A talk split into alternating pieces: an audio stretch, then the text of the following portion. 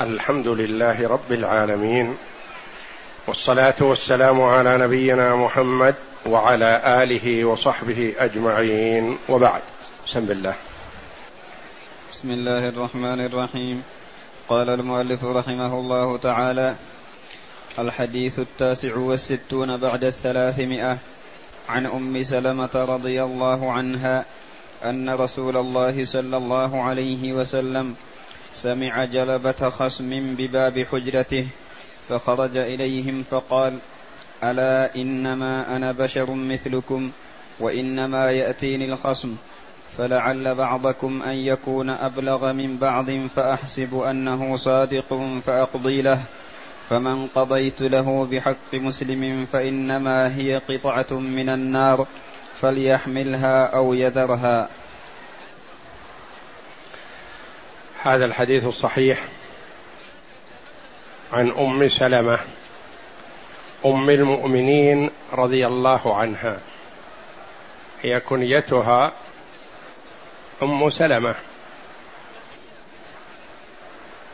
لأن ابنها هو سلمة ابن أبي سلمة رضي الله عنه.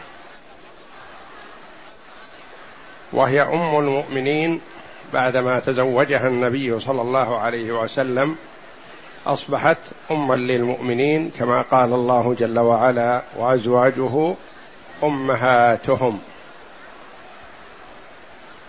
فأزواج النبي صلى الله عليه وسلم كلهن أمهات المؤمنين بالتقدير والاحترام والحق علي لهن دون المحرمية والميراث وغير ذلك من الأحكام.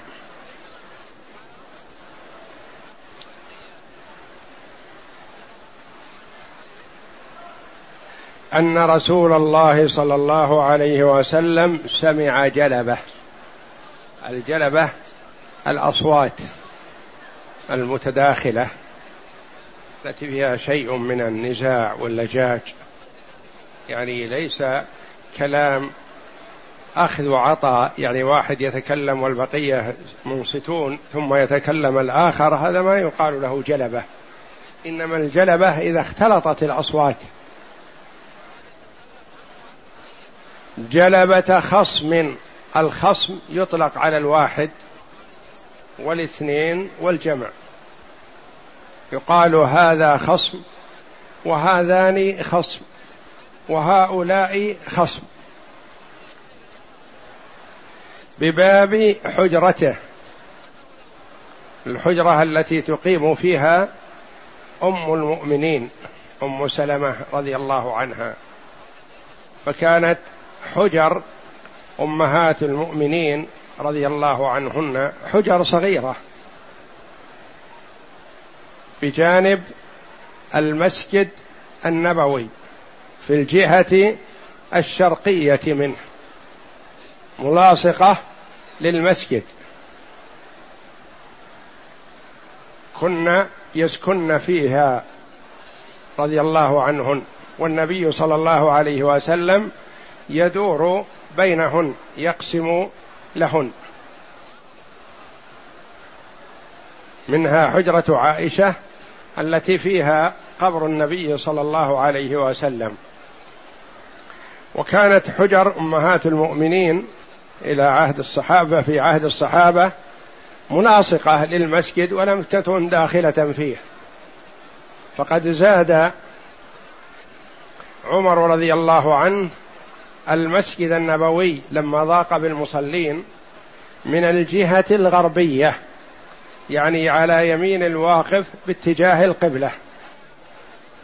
وزاد عثمان رضي الله عنه المسجد لما ضاق بالمصلين من ناحية القبلة من من جهة الجنوب. فما كان بعد محراب النبي صلى الله عليه وسلم بجهة القبلة تلك زيادة عثمان رضي الله عنه. ثم زيد فيه زمن الوليد ابن عبد الملك فأمر أن تدخل حجر أمهات المؤمنين رضي الله عنهن فدخلت داخل المسجد. وكان العلماء رحمهم الله ما يودون ذلك لئلا يدخل قبر النبي صلى الله عليه وسلم في المسجد لأنه ما كان في المسجد. لأن الأنبياء عليهم الصلاة والسلام يدفنون حيث يموتون. والنبي صلى الله عليه وسلم مات وهو في حجرة عائشة رضي الله عنها فدفن حيث مات عليه الصلاة والسلام. ثم دفن أبو بكر رضي الله عنه بجوار النبي صلى الله عليه وسلم لأن الحجرة حجرة ابنته ورغب رضي الله عنه أن يدفن بجوار النبي صلى الله عليه وسلم لأنه كان رفيقه في حال الحياة فأحب أن يكون معه بعد الممات رضي الله عنه. ثم لما مات عمر رضي الله عنه استأذن أرسل من يستأذن عائشة في أن يدفن مع صاحبيه مع النبي صلى الله عليه وسلم وأبي بكر. قالت رضي الله عنها ما بقي فيها إلا قبر ومكان قبر واحد. وكنت أريده لنفسي فآثرت به عمر رضي الله عنه فدفن بجوار النبي صلى الله عليه وسلم وأبي بكر رضي الله عنه. وكانت القبور الثلاثة خارج المسجد النبوي. ثم دخلت بعد هذا وكان العلماء لا يحبون ذلك ولا يرون دخولها لكن دخلت. ثم لما دخلت يصعب إخراجها منه لأنه ما يجوز التعرض لها لقبور, لقبور النبي صلى الله عليه وسلم وصاحبيه. لما سمع عليه الصلاة والسلام جلبة يعني أصوات الخصم خرج إليهم لأنه عليه الصلاة والسلام كان يسعى حريصا في حل جميع الإشكالات التي تحصل بين أمته وصحابته رضي الله عنهم وحتى ما كان بينهم وبين المنافقين وما بينهم وبين اليهود عليه الصلاة والسلام. وهذا من مبادرته عليه الصلاة والسلام في إنهاء الخصومة وهكذا ينبغي إذا وجد خصومة بين فريقين أن يحرص على إنهائها قبل أن تستفحل لأن كلما تأخر البت فيها ربما تعقدت أكثر. وتدخل المريدون للتخريب والإفساد. فإذا بودر بالإصلاح بينهم يكون حسما للنزاع بينهم.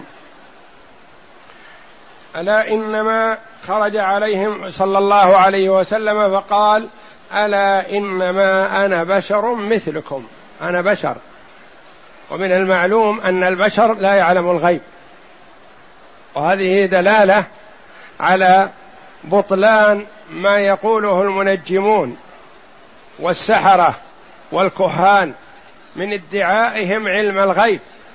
فإن البشرية ممنوعة من علم الغيب إلا ما أطلع الله جل وعلا من ارتضاه من رسول فهو يطلعه جل وعلا على ما يشاء من علم الغيب وأما ما لم يطلعه الله جل وعلا عليه فلا يعلمه. إنما ألا إنما أنا بشر والبشرية ما عندها من علم الغيب شيء. وهو عليه الصلاة والسلام قال أنا بشر يعني مثلكم في عدم الاطلاع على علم الغيب.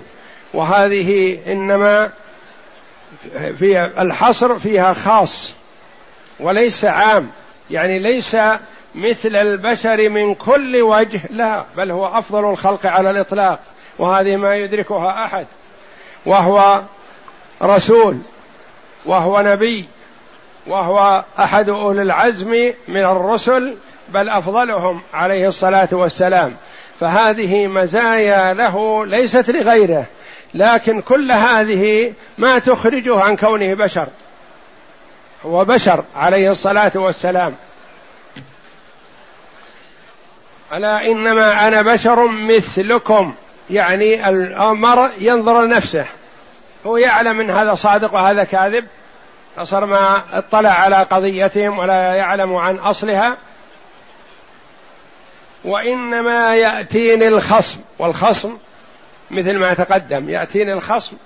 الخصم لفظها مفرد وهي تشمل المفرد والمثنى والجمع. يأتي الخصم يعني اثنان متنازعان.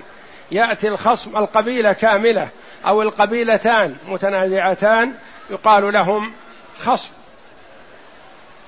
يأتيني الخصم. فلعل بعضكم يكون أن يكون أبلغ من بعض.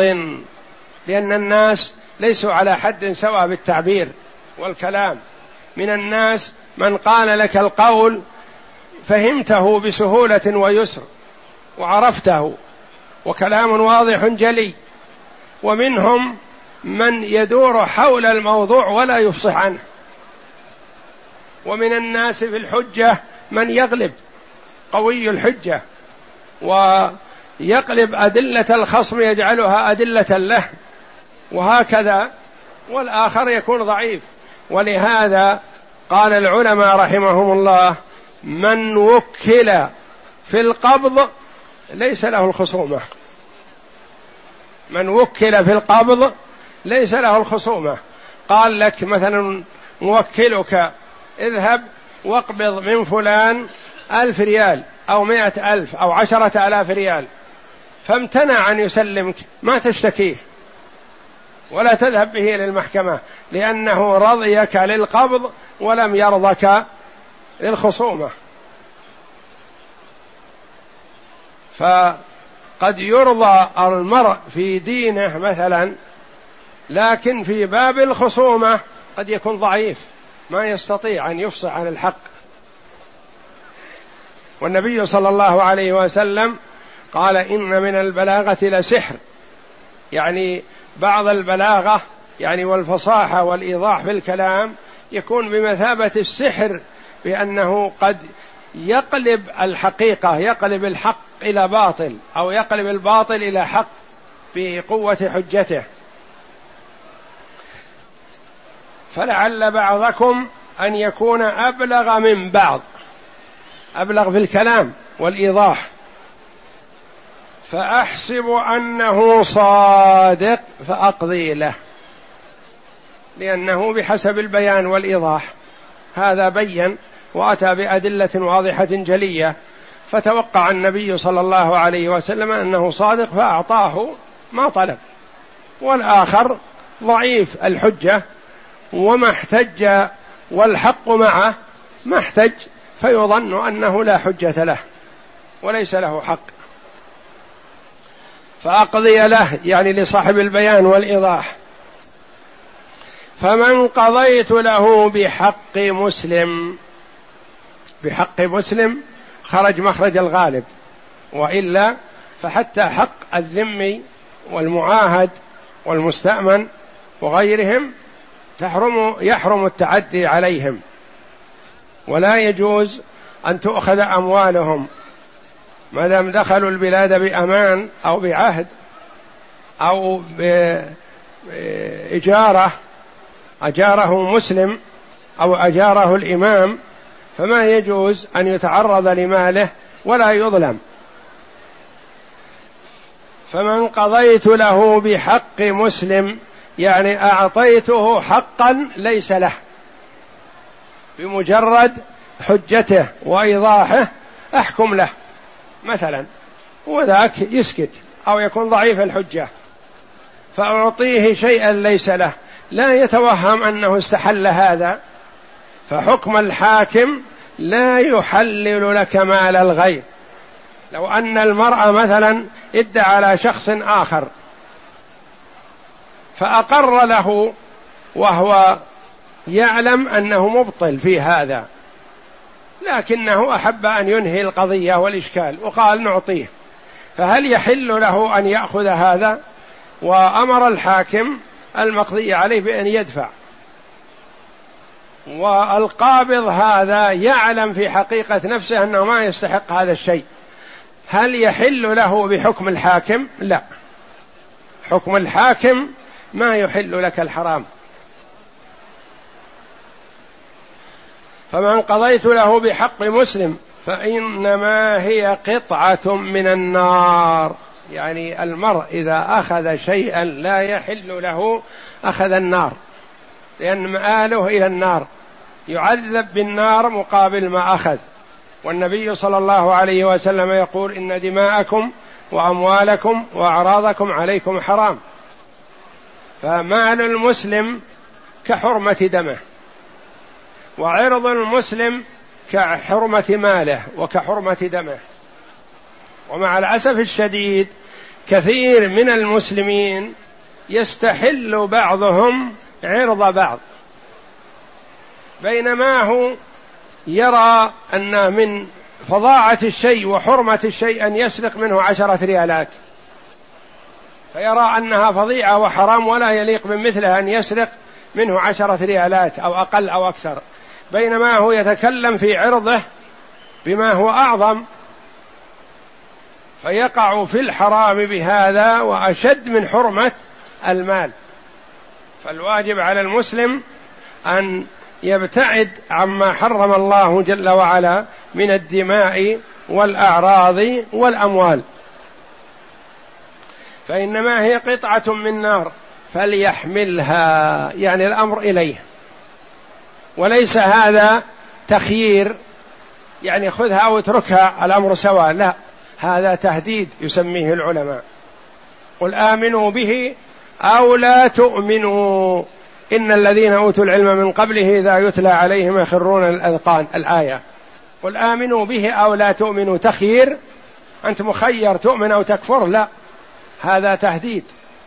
يسميه العلماء رحمهم الله أسلوب التهديد فليأخذها أو ليدعها. إن أخذها ماذا أخذ؟ أخذ النار والعياذ بالله. وإن تركها سلم. في بعض الروايات أن النبي صلى الله عليه وسلم لما قال لهم هذا القول بكى الإثنان.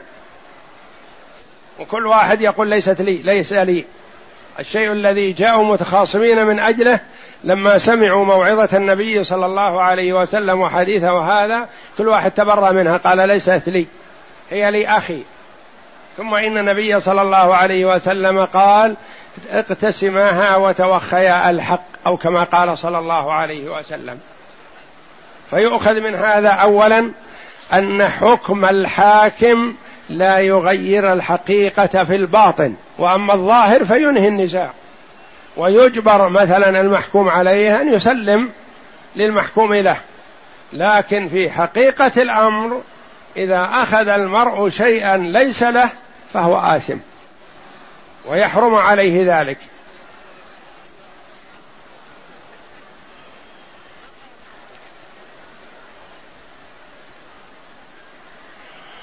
فحكم الحاكم لا يغير الحقيقة في الباطن وأما الظاهر فليس لنا إلا هذا.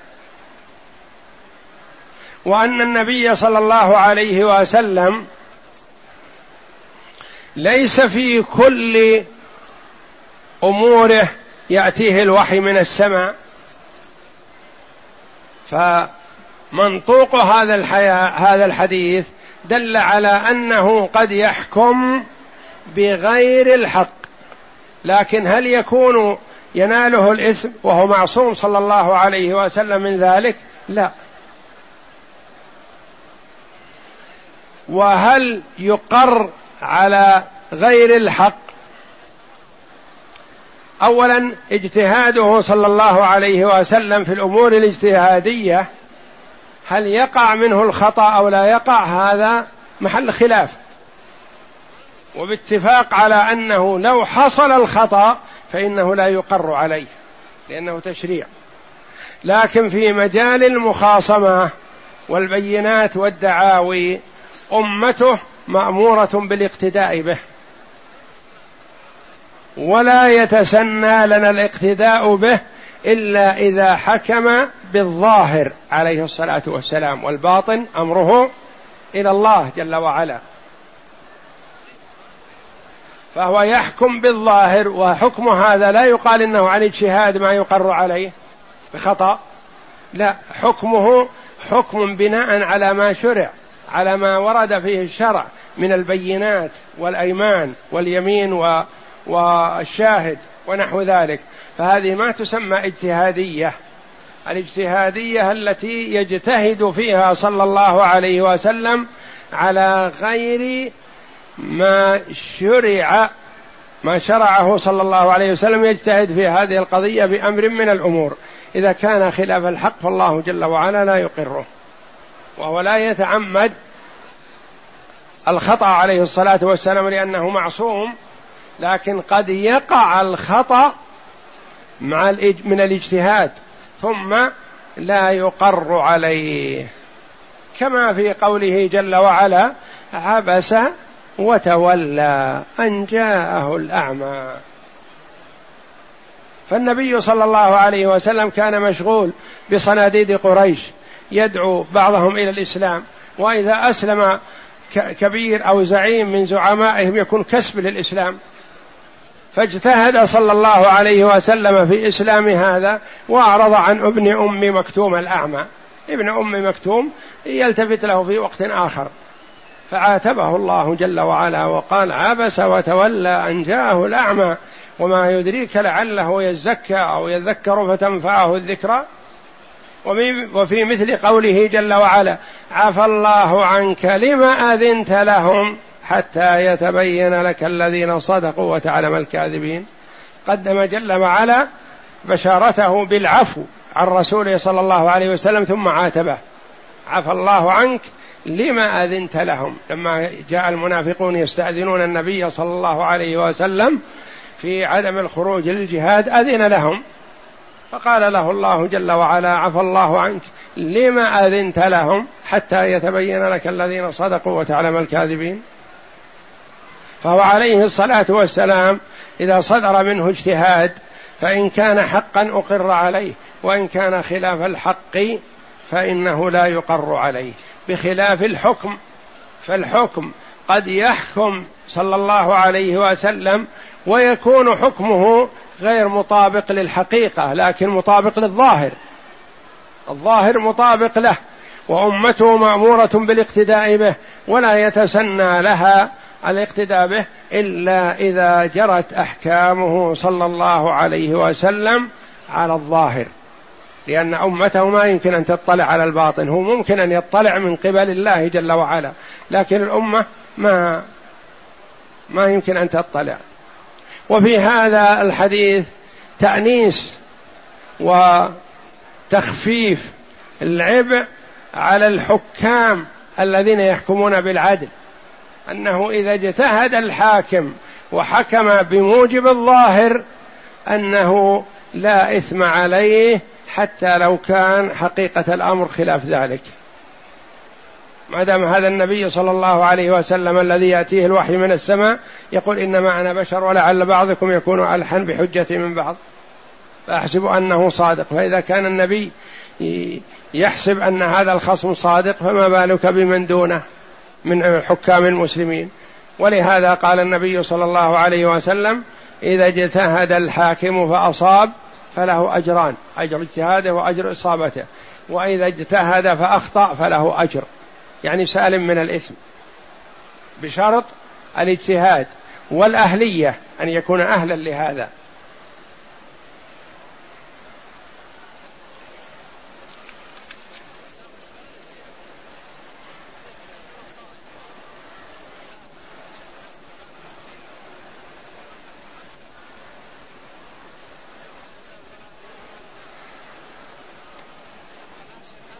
والصحابة رضي الله عنهم كان يحصل منهم اجتهادات ويبرئون حكم الله وحكم رسوله من اجتهادهم الذي اجتهدوه على غير دليل. يقول إن كان صواب فمن الله جل وعلا وإن كان خطأ فمني ومن الشيطان. اقرأ.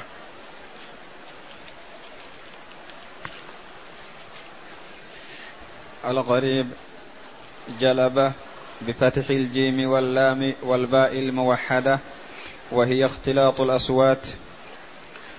قوله ليذرها ليتركها وأو ليست للتخيير بل للتهديد والوعيد.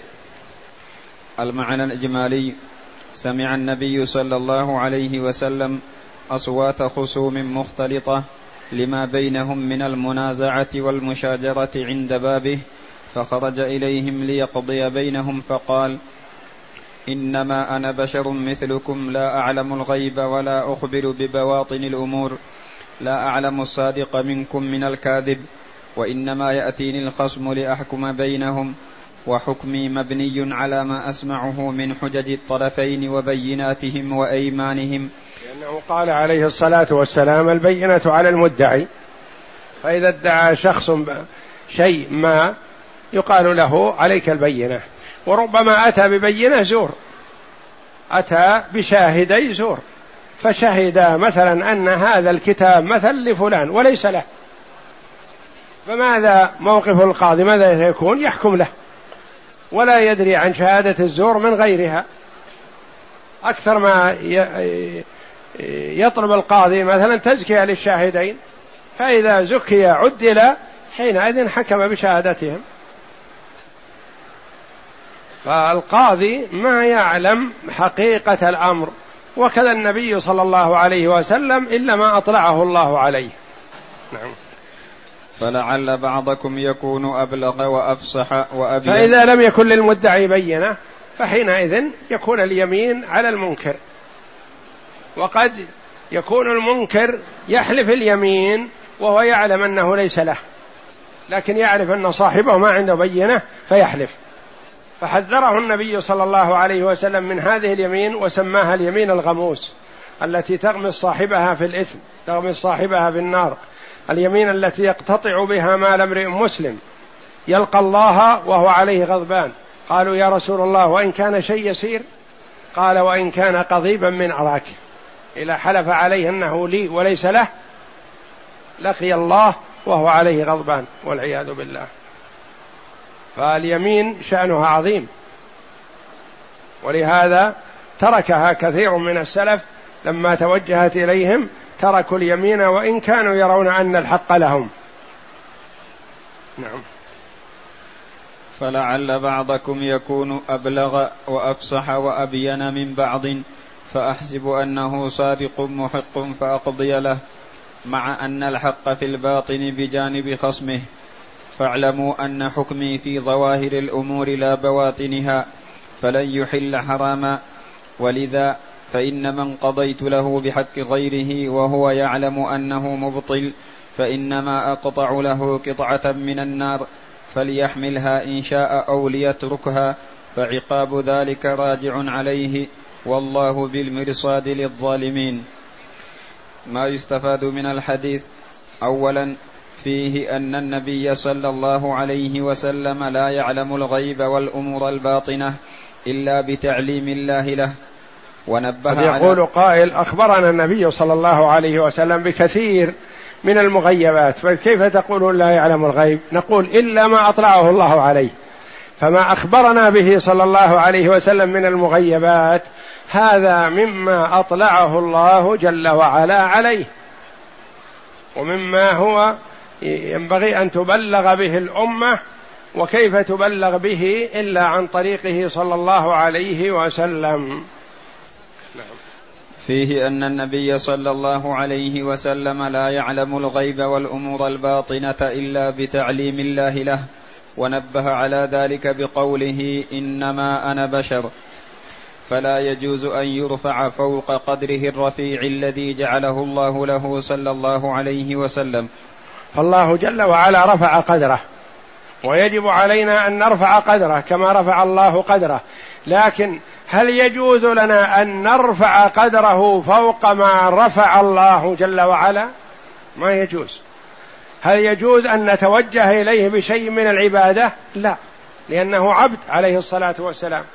فنحن نصفه بالعبودية كما وصفه ربنا جل وعلا. سبحان الذي أسرى بعبده ليلا من المسجد الحرام إلى المسجد الأقصى.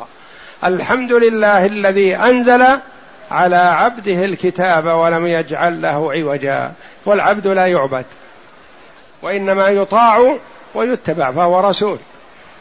فهو من حيث العبادة عبد لا يعبد ومن حيث الطاعة رسول لا يكذب. وتجب طاعته عليه الصلاة والسلام وتحرم عبادته. نعم. ثانيا أنه يجوز عليه صلى الله عليه وسلم في أمور الأحكام والدين الإسلامي الوسط في هذا المجال. لا يحقر من رفع الله شأنه. ولا يرفع مخلوقا فوق ما أعطاه الله جل وعلا. فهذه الأمة وسط بين الأمم. في الوسط. لا إفراط ولا تفريط. لا غلو ولا جفا. اليهود عليهم لعنة الله قالوا عن عيسى بن مريم على نبينا وعليه أفضل الصلاة والسلام إنه ابن بغي. والله جل وعلا نزهه من ذلك. ونزه أمه. والنصارى رفعوه عن منزلته وقالوا هو إله أو هو ابن الله. أو هو ثالث ثلاثة تعالى الله عما يقولون. وأمة الإسلام يقولون هو عبد الله ورسوله وكلمته ألقاها إلى مريم وروح منه. عليه الصلاة والسلام لا يعبد ورسول لا يكذب. نعم. أنه يجوز عليه صلى الله عليه وسلم في أمور الأحكام ما يجوز على غيره فإنه إنما يحكم بين الناس بالظاهر والله يتولى السرائر فهو يحكم بالبينة واليمين ونحو ذلك من أحكام الظاهر مع إمكان كونه في الباطن خلاف ذلك. يمكن يعني يحكم ببينة وتكون البينة هذه كاذبة والرسول عليه الصلاة والسلام لا يدري عن كذبها. ممكن يحلف هذا الرجل اليمين تتوجه عليه اليمين فيحلف وهو في حقيقة الأمر حلف يمينا كاذبة والرسول صلى الله عليه وسلم لا يدري أن هذه اليمين كاذبة. نعم. ثالثا إنما كلف بالحكم بالظاهر مع إمكان اطلاع الله إياه على الباطن فيحكم بيقين نفسه من غير حجة أو يمين. يعني ممكن هذا في حقه صلى الله عليه وسلم لكنه ما حصل. ممكن إذا أقبل عليه الخصمان قال قفوا هذا محق وهذا مبطل. منين يأتيه؟ من الله جل وعلا. لكنه ما حصل هذا ليكون قدوة للأمة. لأن لأنه لو حصل هذا لا من يستطيع أن يحكم مثل حكم النبي صلى الله عليه وسلم؟ ونحن مأمورون بالاقتداء به. فهو عليه الصلاة والسلام ما حصل أن حكم بعلمه عليه الصلاة والسلام وإنما يسمع يقول بينتك. قال ما لي بينة؟ قال لك يمينه قال يحلف ولا يبالي. وقال ليس لك إلا ذلك. ما دام ما عندك بينة فليس لك إلا يمين خصمك. حتى وإن كان يهودي أو نصراني يحلف. نعم.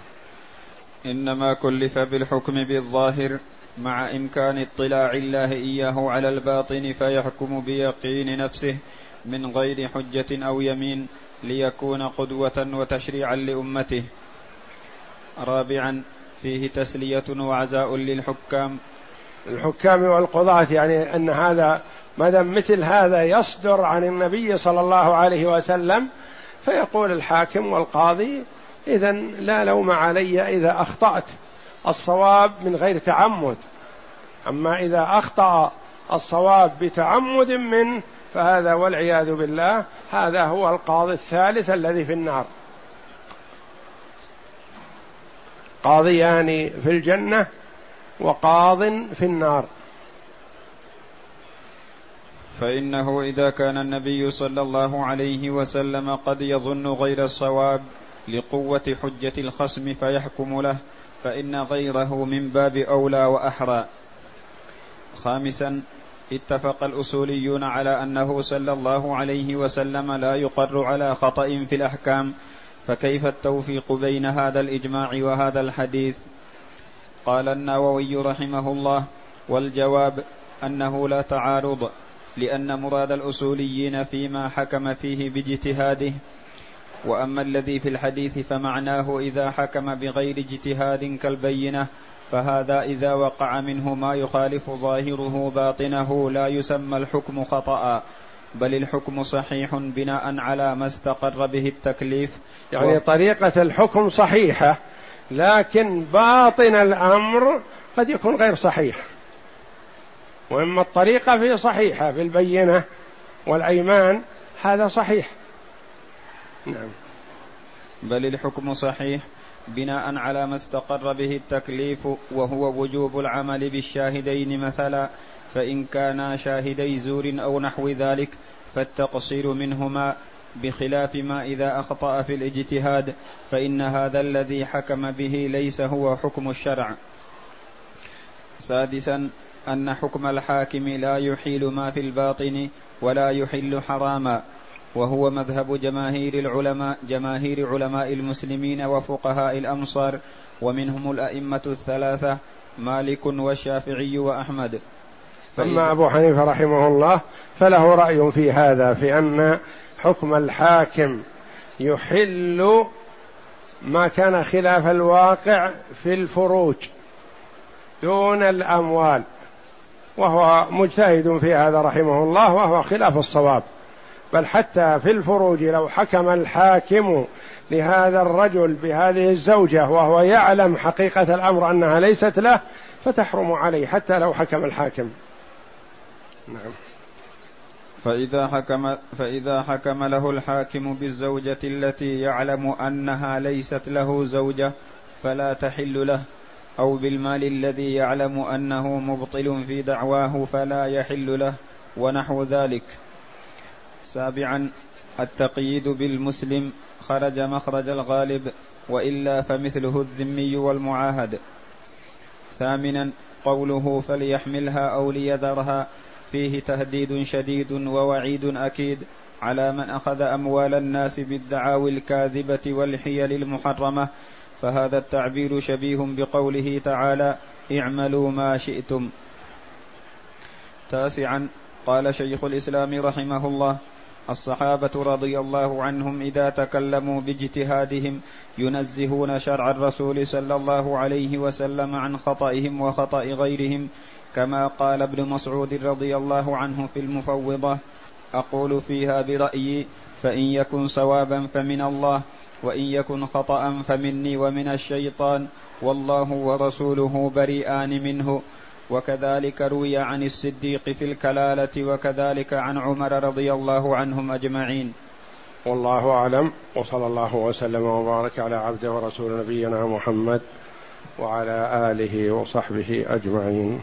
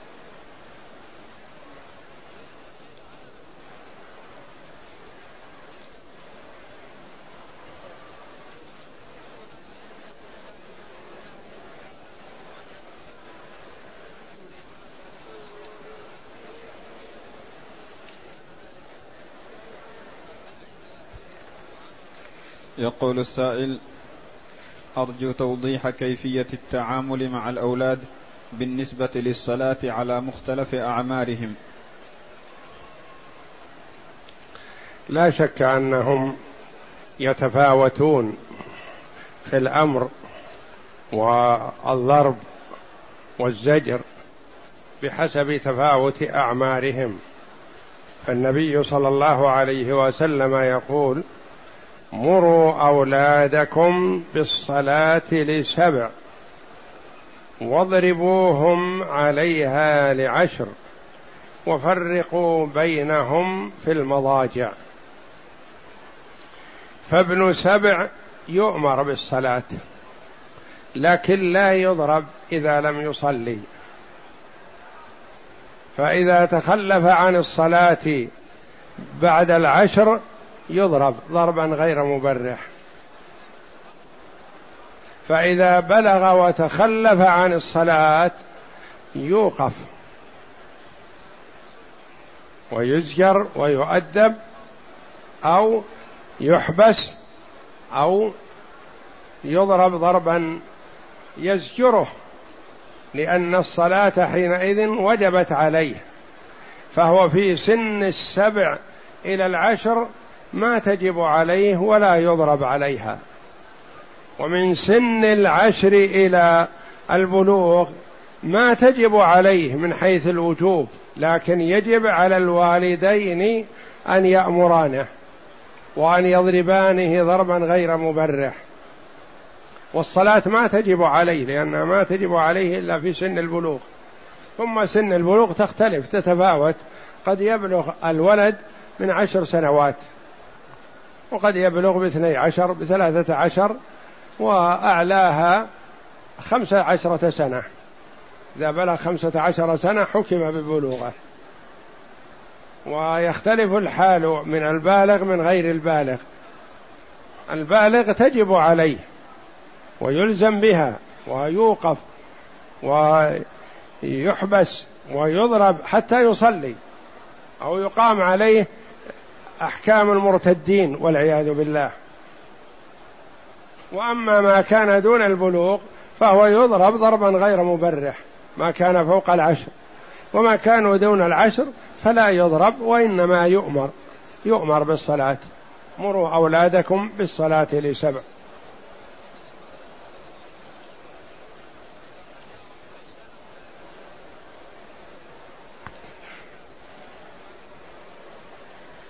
يقول هل يجوز أن يكتب على حجر اسم ميت وينصب على قبره ليكون علامة لمن أراد أن يتعرف على قبره؟ ما ينبغي مثل هذا لأن هذا قد يكون من التشهير أو من رفع شأن القبر وصاحبه وإنما القبور تكون على حد سواء. وإذا أراد ذوي الميت أن يجعلوا علامة لا تميزه وإنما يعرفون بها قبر صاحبهم فحسن. أما أن يرفع عن القبور أو يرش عليه رشة تختلف عن القبور أو نحو ذلك فلا ينبغي مثل هذا وإنما يوضع له علامة يعرفها ذو الميت ولا يكون فيها تشهير أن هذا قبر فلان ابن فلان توفي في يوم كذا وهكذا هذا ما ينبغي لأن هذا قد يكون فيه تشهير بالقبر وصاحبه.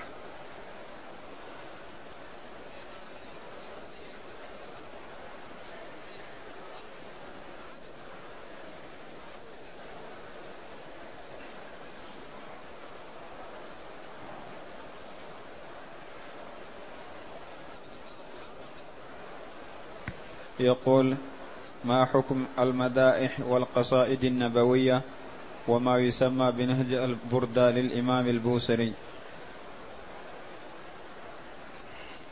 مدح النبي صلى الله عليه وسلم بما مدحه الله جل وعلا به هذا حق ويجب أن يعتقد ويؤمن به. ويطاع عليه الصلاة والسلام ويتبع. والله جل وعلا يقول قل إن كنتم تحبون الله فاتبعوني يحببكم الله. وهذا تعظيم لشأن النبي صلى الله عليه وسلم بأن من أراد أن يحبه الله فليطع الرسول صلى الله عليه وسلم حتى يحبه الله. فالله جل وعلا أغلق طريق محبته إلا من جاء من طريق الرسول صلى الله عليه وسلم. بعد بعثته عليه الصلاة والسلام. والله جل وعلا يقول وما آتاكم الرسول فخذوه وما نهاكم عنه فانتهوا. من يطع الرسول فقد أطاع الله. وأما أن يعظم فوق ذلك بأن يجعل له شيء من العبودية لا فهذا لا يسوق. هذا كفر بالله جل وعلا. والرجل الذي جاء إلى النبي صلى الله عليه وسلم يقول نستشفع بك على الله. غضب صلى الله عليه ونستشفع بالله عليك. غضب صلى الله عليه وسلم وقال لا يستشفع بالله على أحد من خلقه. الله أجل وأعظم. فمحبة الرسول صلى الله عليه وسلم واجبة وهي من تحقيق شهادة أن محمد رسول الله. ولا يجوز أن يطاع أن يعبد أو يعطى شيء من أنواع العبادة التي لا تصلح له وإنما هي حق الله جل وعلا. وهو عليه الصلاة والسلام لا يأمر إلا بما هو طاعة لله فهو معصوم صلى الله عليه وسلم من الخطأ.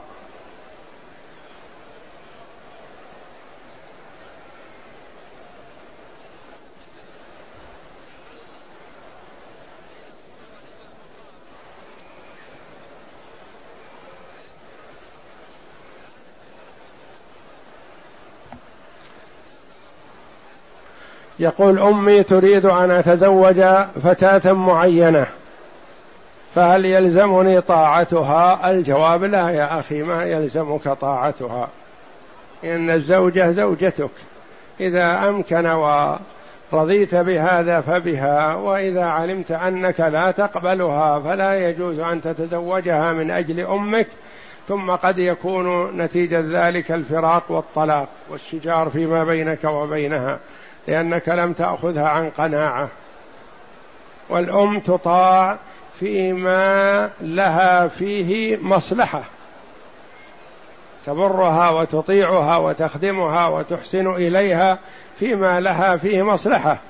أما أن تقول الأم تزوج هذه ولا تتزوج هذه ونحو ذلك هذا ليس من البر في أن تطيعها به ولا يلزمك أن تطيعها فيما ترغب هي.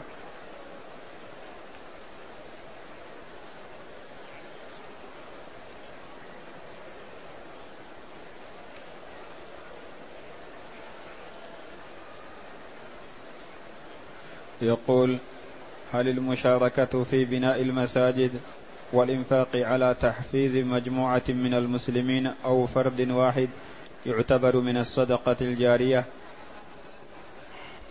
الصدقة الجارية تمييزها عن غيرها فيما يبقى. شيء يبقى مثل بناء المساجد. بناء المساجد صدقة جارية. يصلى فيه عشرات السنين مثلا. من الصدقة الجارية شراء الكتب وتوقيفها على طلبة العلم أو طباعة الكتب أو شراء المصاحف وتسليمها لتحفيظ القرآن أو لطلبة العلم أو نحو ذلك. صدقة جارية. شيء ينفق في وقته وينتهي هذا صدقة ويؤجر عليه العبد لكن ما يعبر عنه أنه صدقة جارية. مثلا طعام يصنعه للفقراء يأكلونه. هذا ما يعتبر صدقة جارية. وقف وقف يكون ريعه إطعام للفقراء. هذا صدقة جارية لأنه مستمر. كل ما استلم الأجار مثلا يشترى به طعام للفقراء ما ينقطع.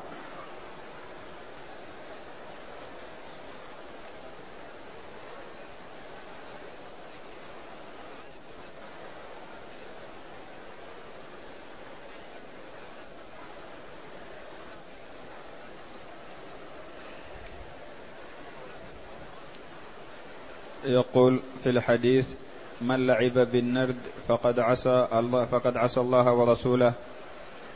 وما معنى قوله النرد؟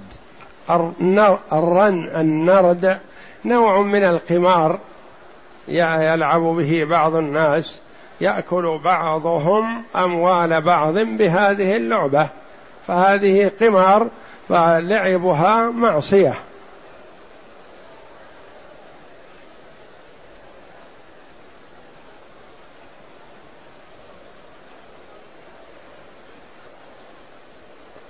يقول جئت بالعمرة واعتمرت عن نفسي فهل يجوز لي أن أعتمر عن أبي وأمي؟ إذا قدم المرء إلى مكة بعمرة فما يحسن أن يخرج للإتيان بعمرة أخرى؟ يكثر من الطواف بالبيت. ويؤدي ما تمكن منه من العبادة من صلاة وصدقة وقراءة قرآن وذكر وطواف وغير ذلك في البيت ولا يخرج للإتيان بعمرة أخرى. فإن خرج لحاجة سافر للمدينة أو الجدة أو للطائف أو لغيرها من البلدان ثم رغب العودة إلى مكة مرة أخرى فيعود إليها بعمرة عن نفسه أو عن من شاء من أحد أبويه أو غيرهما. علما أن العمرة تكون عن واحد ما تكون عن الوالدين معا. والعمرة تكون عن واحد فقط. ولا تعتمر عن الحي إلا بشرطين أن يعلم عنك قبل إحرامك بالعمرة وأن يكون غير قادر على الوصول إلى مكة. وأما الميت فتعتمر عنه متى شئت.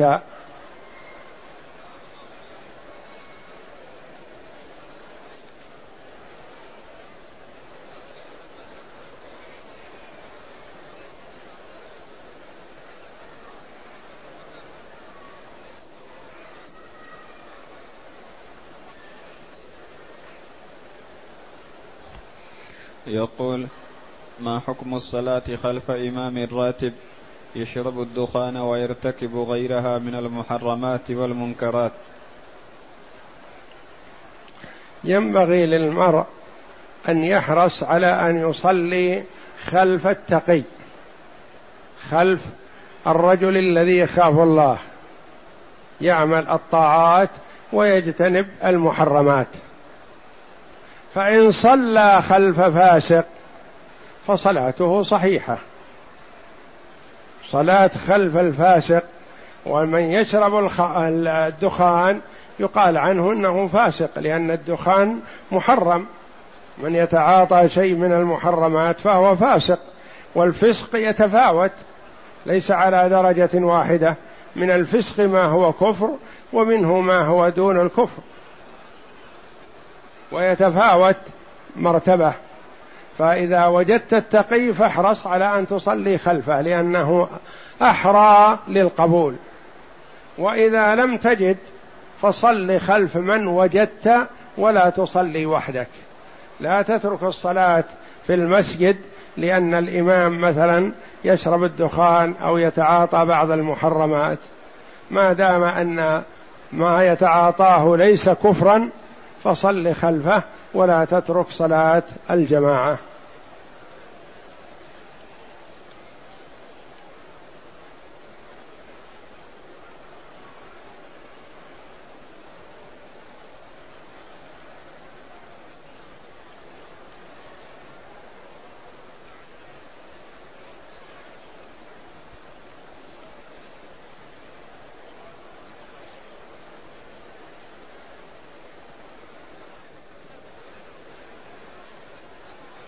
يقول أريد تفسير حديث النبي صلى الله عليه وسلم الذي قال فيه إذا أقيمت الصلاة فلا صلاة إلا المكتوبة. إذا أقيمت الصلاة فلا يصح أن تدخل في صلاة غير هذه الصلاة التي أقيمت. وهذا ينطبق مثلا على بعض الناس إذا دخل لصلاة الفجر. والصلاة تقام لصلاة الفجر.